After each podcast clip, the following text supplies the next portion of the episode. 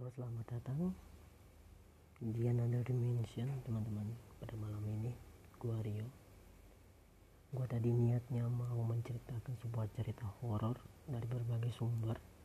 Contohnya dari kaskus twitter atau dari pengalaman pribadi atau dari pengalaman teman-teman gua. Tadi gua udah nemu satu cerita di kaskus uh, dan gua udah menghubungi orang yang membuat ceritanya tapi belum dikonfirmasi. Jadi gue nggak berani untuk menceritakan itu. Karena gue takut nanti kena plagiat ya. Jadi untuk hari ini gue akan ceritain pengalaman bisnis gue dari awal.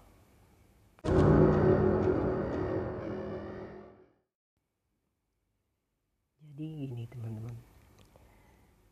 Pengalaman-pengalaman mistis yang pernah gue alamin itu termasuknya lumayan banyak awal-awal mula gue mengalami uh, kegiatan-kegiatan paranormal kayak gitu ya kegiatan-kegiatan mis mistis gitu itu waktu gue kecil. Kalau nggak salah itu kelas 4 SD atau 5 SD gitu. Nah karena orang tua gue ini kan pedagang ya pedagang nasi. Jadi mereka tuh pagi pasti berangkat ke pasar buka warung lalu pulangnya tuh malam.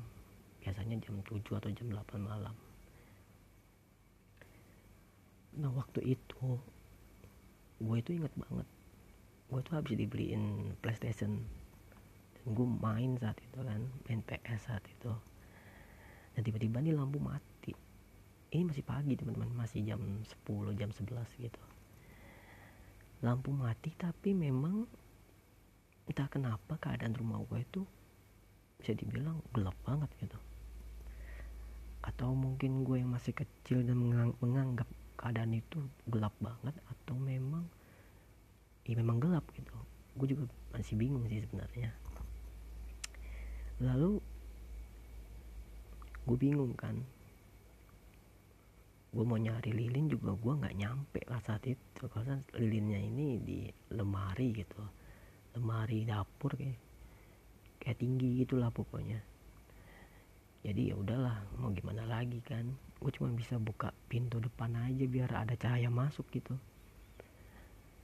Lalu nih gue pengen banget pipis. Gue kebelet pipis kan gue kebelet pipis. Dan gue ke kamar mandi.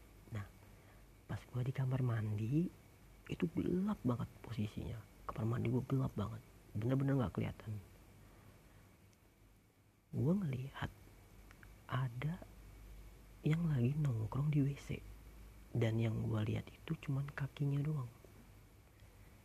Badannya nggak ada nggak ada mukanya. Pokoknya gue cuma ngelihat kakinya doang.